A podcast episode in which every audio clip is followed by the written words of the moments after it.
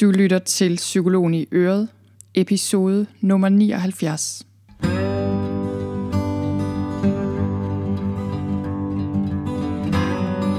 Velkommen til Psykologen i Øret. Jeg er psykologen Birgitte Sølstein, og Øret, det er dit. Tak fordi du lytter med.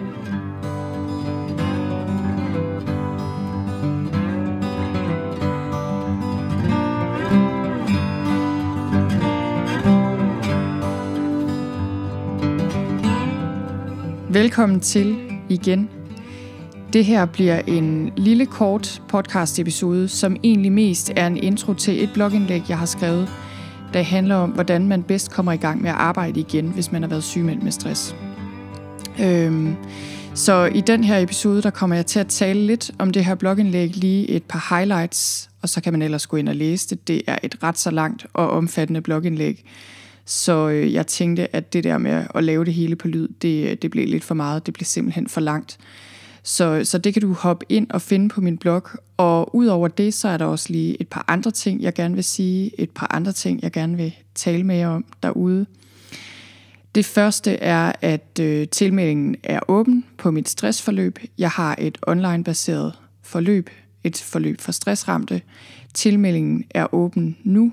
Det kan man gå ind på min hjemmeside og læse alt om på sølvstein.dk-stressbehandling. Jeg kommer til at sige en lille smule mere om det forløb øh, senere, om et par uger, men for nu vil jeg bare sige, at tilmeldingen er åben. Udover det har jeg også et gratis foredrag, et live online, igen online foredrag, som jeg holder den 28. i 8. kl. 10, og det foredrag det hedder Ramt af stress, find hjem til dig selv igen. Og øh, det kan man også læse om og tilmelde sig ind på min hjemmeside, og det gør man på sølvstein.dk-live. Og så øh, får jeg ellers lige lyst til bare at give en lille update sådan generelt. Jeg ved, at der er mange, der følger med derude, og der er sikkert også mange af jer, som, øh, som også lige er vendt tilbage fra ferie. Og jeg har det sådan, at øh, min hjerne på en eller anden måde stadig er på ferie. Jeg ved ikke, om der er nogen, der kender det derude, men øh, jeg tror, det er, fordi jeg holdt en mega lang ferie i år. Den øh, var noget længere, end den plejer at være. Øh, jeg tror, jeg holdt omkring fire og en halv uge alt i alt. Og det er ligesom om, selvom det efterhånden er et par uger siden, jeg gik i gang med at arbejde, det er ligesom om, jeg ikke rigtig helt kan komme i gang med min hjerne. Jeg håber, det kommer. Øhm, jeg har ellers haft det sådan, for eksempel med den her blog og podcast og hele den her kanal, jeg bruger noget tid på at formidle fra, at, øh, at det har jeg altid været inspireret til, det har jeg altid. Det flyder ligesom bare helt af sig selv. Øh, det har aldrig været noget problem. Nogen spørger mig, hvor, hvordan finder du på, hvad du skal tale om eller skrive om, og hvordan får du tid til det, og det er bare ikke et problem for mig overhovedet. Øh, I hvert fald ikke det der med at finde på, hvad jeg skal lave. Jeg har en liste over idéer til ting, jeg gerne vil skrive noget om, sige noget om. Jeg tror seriøst, altså der er flere hundrede emner på den. Øh, Øh, mit problem er ikke, at jeg ikke kan få idéer. Mit problem er mere noget med øh, at få de her organiseret, alle de her idéer organiseret og sorteret, øh, så der bliver en eller anden sammenhæng i det, og også at få slukket min hjerne faktisk, øh, så jeg ikke hele tiden konstant tænker på, hvad jeg kan formidle videre. Det med tiden er lidt en anden ting, men, øh, men jeg har faktisk afsat en del af min arbejdsuge til simpelthen at skrive blogindlæg og lave min podcast, så det er egentlig heller ikke noget problem. Men siden min ferie har jeg faktisk haft det lidt sådan, øh, at, jeg ikke, at jeg ikke lige sådan helt følt mig gearet øh, til at komme i gang med det. Heldigvis har jeg jo nogle rytmer og rutiner på plads, der sikrer, at, øh, at det gør jeg så alligevel. Blandt andet har jeg jo min tirsdagsmail, som kommer ud hver tirsdag, og det gør den altså uanset hvad, og, øh, og derfor får jeg selvfølgelig lavet ting. Og jeg, jeg kan også mærke faktisk i dag, da jeg skulle forberede mig til den her podcast episode, at okay, nu, øh, nu sker der et eller andet, nu er jeg ved at være der. Men jeg vil bare sige, hvis du har det ligesom mig, at din hjerne stadig er på ferie øh, delvist, så, øh, så er jeg helt med på, hvordan det er. Så kan jeg også fortælle, at øh, her til morgen har jeg sendt min yngste, min datter, i skole for første gang. Vi havde første skoledag, og det var rigtig stort, og det var rigtig hyggeligt. Det, øh, det er bare en stor dag, og øh, hun har glædet sig helt afsindig meget, så det gik bare lige ud af landevejen med at komme i skole. Og øh, det fik mig til at tænke på, at øh, hvor nemt det kan være, når tingene bare flyder. Det har virkelig været nemt og sjovt og hyggeligt og dejligt. Og sådan har det ikke altid været for os, det her med skole. Jeg har en, et barn på 10 nu. Det har altid været rigtig svært med ham med skole. Det var det sådan set også i dag, selvom han skulle starte i 3. klasse. Øh, første skoledag i sin tid var også svær. Han har CP, cerebral parese. Han er født med et mildt, mildt handicap. Man kan ikke se det, men øh, han har ret store kognitive problemer, har også noget fysisk. Han går i en almindelig folkeskole, men det er bare hårdt arbejde med ham, og øh, det tænkte jeg også på i dag, da det var så nemt, og jeg tænkte, hold op, kan det være så nemt at sende et barn i skole? Så tænkte jeg på alle de mødre derude, der har sendt deres børn i skole, hvor det ikke lige går så nemt. Og der vil jeg også bare sige, hvis du øh, har et barn, der er et eller andet med, eller har haft en svær skolestart, og har haft ondt i maven, og har været ked af det, og alligevel har skulle ligne en, øh, øh, der bare var glad, og ligesom prøvede at få det hele til at glide, så, øh, så er jeg helt med. Jeg ved, hvordan det er, og det er vi jo mange, der gør. Så for mit vedkommende vil jeg sige, at det var rigtig dejligt at opleve det her med, hvor nemt det egentlig bare kan være, og, øh, og det, det har virkelig været en festdag og jeg glæder mig til, hun kommer hjem, og jeg er sikker på, at hun vil fortælle stolpe op og stolpe ned om, hvad der er sket i dag på første skoledag. Så kan jeg også give en lille update øh, på vores flytning. Det er sådan, at vi flyttede til Jylland her i foråret, og det var en lang proces. Vi flyttede fra Sjælland til Jylland efter, jeg har boet 18 år på Sjælland i København, lige uden for København. Min mand er født og opvokset i København. Så det var en kæmpe ting, det her med at flytte herover igen. Jeg er fra Thy, jeg er født og opvokset i Thy. Og øh, hele den proces har jeg lavet et par blogindlæg, eller slutter et par podcast-episoder om. Øh, den ene hedder Flyt, og den anden hedder En enkelt guide til store beslutninger, hvor jeg også siger lidt omkring, hvordan vi egentlig tog den her store beslutning og kom fra A til B, hvor vi begyndte at overveje det, og så til rent faktisk at flytte. Og det kan du gå ind på min hjemmeside og finde. Du kan søge dem frem derinde. Men øh, jeg vil lige give en lille update, og det er, at øh, nu bor vi her. Vi har boet her i nogle måneder. Vi bor i en stor lejlighed lige midt i byen på overetagen af et hus her. Og det er egentlig fint. Der, der er plads nok, og det er rigtig fint. Men, øh, men vi har ikke fundet noget hus endnu. Vi er i proces. Måske har vi fundet det. Vi er ikke sikre endnu. Øh, forhåbentlig falder det på plads meget snart. Øh, men det har også øh, lært mig noget omkring det her med, okay, betydningen af at have en base, og hvad er hjem egentlig? Og til min store overraskelse øh, har jeg faktisk fundet ud af, at jeg er faktisk okay med også at have den her midlertidige base. Jeg er ellers typen, der altid har bildt mig selv ind i hvert fald, at jeg var meget afhængig af at have et hus og have en have, og at tingene ligesom øh, øh, var, som de plejede, og alt det her. Øh, men der er, øh, der er et eller andet godt i også at skifte på den her måde, fordi det bliver meget tydeligt, at okay, vi har jo stadig nogle ting, der gør os til den familie, som vi er, og ting, vi gør, som gør det her til et hjem for vores børn, uanset hvor vi er. Og det er rigtig rart at tænke på, også fordi øh, jeg kunne rigtig godt tænke mig at rejse meget med min familie og mine børn senere, når de bliver en lille smule større. Og, øh, og det her, det har lært mig, at ja, det der med, hvor basen og hjemmet og familien er, det, øh, det har ikke kun noget at gøre med de fysiske rammer. Men når det så er sagt, så glæder jeg mig helt sindssygt meget til at få et hus, og forhåbentlig får vi det hus, vi drømmer om, øh, som vi går og har kigget på lige nu. Så det får man måske en update på øh, om ikke så længe.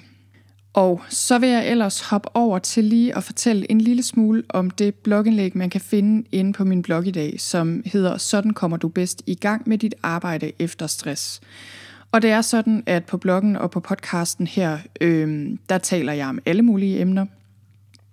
Emner, der i bund og grund handler om, hvordan man får et godt liv med mindre stress og mere ro og glæde og energi.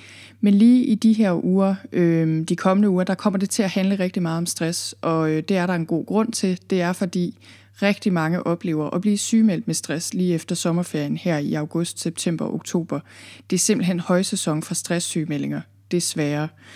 Så derfor vil jeg gerne gøre mit øh, til at give noget råd og vejledning og inspiration til alle jer derude, der er ramt, så I forhåbentlig kan komme bedst muligt igennem det. Så i dag handler det om øh, det her med at komme godt i gang med arbejdet efter en stresssygemelding. Og det er jo fordi, at der er også mange, som efter en sommerferie skal i gang med at genoptage arbejdet efter en stresssygemelding. Og det jeg vil gøre her er egentlig mest lige kort at sige, hvad det handler om, det her blogindlæg, og så kan man selv gå ind og læse det, hvis det er relevant for dig derude. Så i det her indlæg, der kommer jeg ind på, hvordan du giver dig selv den bedst mulige start. Og der har jeg lavet nogle punkter, øhm, der handler om, hvor vigtigt det er at forberede sig, planlægge opstarten sammen med dine arbejdsgiver, øh, at du skal være forberedt på midlertidigt tilbagefald, det er der rigtig mange, der oplever, øh, og andre ting, jeg kommer ind på, som er vigtige i forhold til at give dig et rigtig godt udgangspunkt, når du skal genoptage dit arbejde. Så er der en tjekliste over, hvad du og din arbejdsgiver skal have aftalt, før du begynder at arbejde. Og det er klart, det her er jo generelle retningslinjer. Alle situationer er forskellige. Arbejdspladser er enormt forskellige. Jobs er enormt forskellige. Stresssygemeldinger er enormt forskellige. Så det her er jo generelle retningslinjer. Men det er noget, jeg bygger på min erfaring med stress. Jeg har arbejdet med stress i mange år på forskellige måder. Jeg har haft jeg har mødt rigtig mange mennesker med stress, som jeg har haft øh, som klient og som psykolog.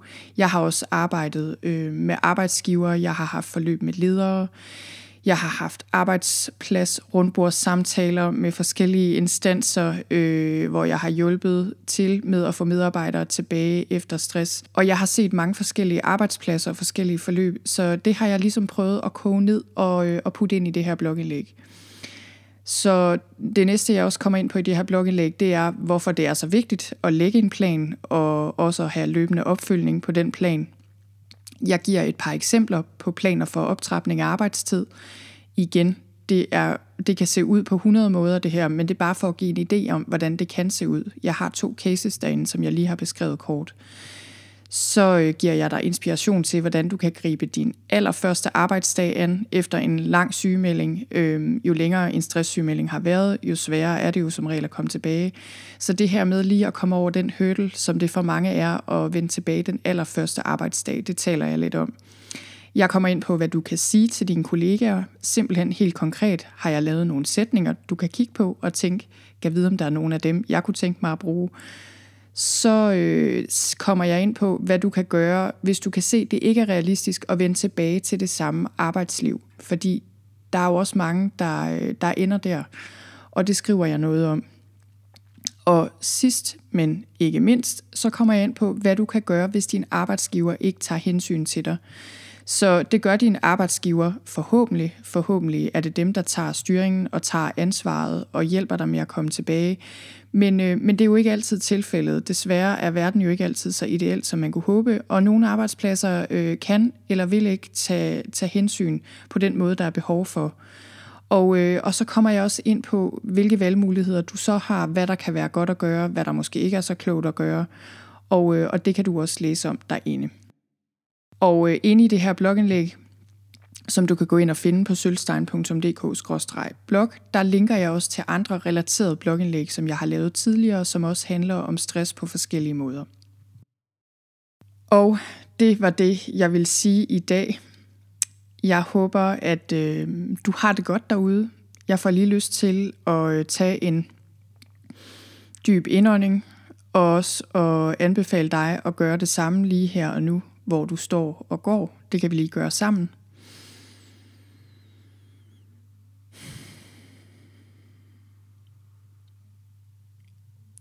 Det, øh, det er noget, jeg har tænkt over her for nylig, det her med, øh, hvor vigtigt det er bare at trække vejret og komme ned i kroppen.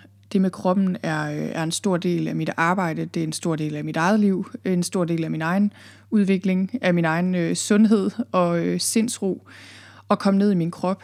Og øh, nogle gange, når vi snakker meget, som jeg gør her på podcasten, så kan vi godt miste kontakten lidt til nuet og til kroppen. Og det her med altså noget så enkelt som bare at tage en indånding og en udånding et par gange i løbet af dagen, det kan bare gøre en enorm stor forskel. Men det er jo sådan som alt andet, det der er enkelt, er ikke nødvendigvis nemt. Det har du sikkert også erkendt derude. det kan faktisk være rigtig svært at huske det her med lige at, øh, at fokusere på vejrtrækningen nogle gange i løbet af dagen.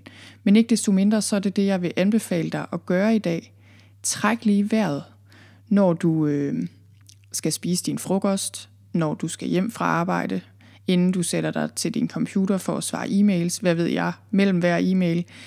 Så lige for at trække vejret og mærke din krop, fordi den vil fortælle dig, hvordan du har det, hvad du har brug for, om du har brug for en pause, om du har brug for lige at stoppe op øh, og lade være med at gøre det, du lige øh, ellers har gang i, eller gøre noget andet. Det kan virkelig godt betale sig at tjekke ind på den her måde nogle gange i løbet af dagen. Det kan virke som om, vi har for travlt til det. Det har vi ikke. Vi har for, for travlt i det her liv til ikke at gøre det, skulle jeg lige til at sige. Øh, vi har ikke tid til ikke at mærke os selv, fordi når vi ikke gør det, så kommer vi lynhurtigt på afveje, og så er det, vi for alvor kan spille noget tid. Så øh, det var ordene for i dag. Jeg vil sige tusind tak, fordi du lyttede med, og vi tales ved.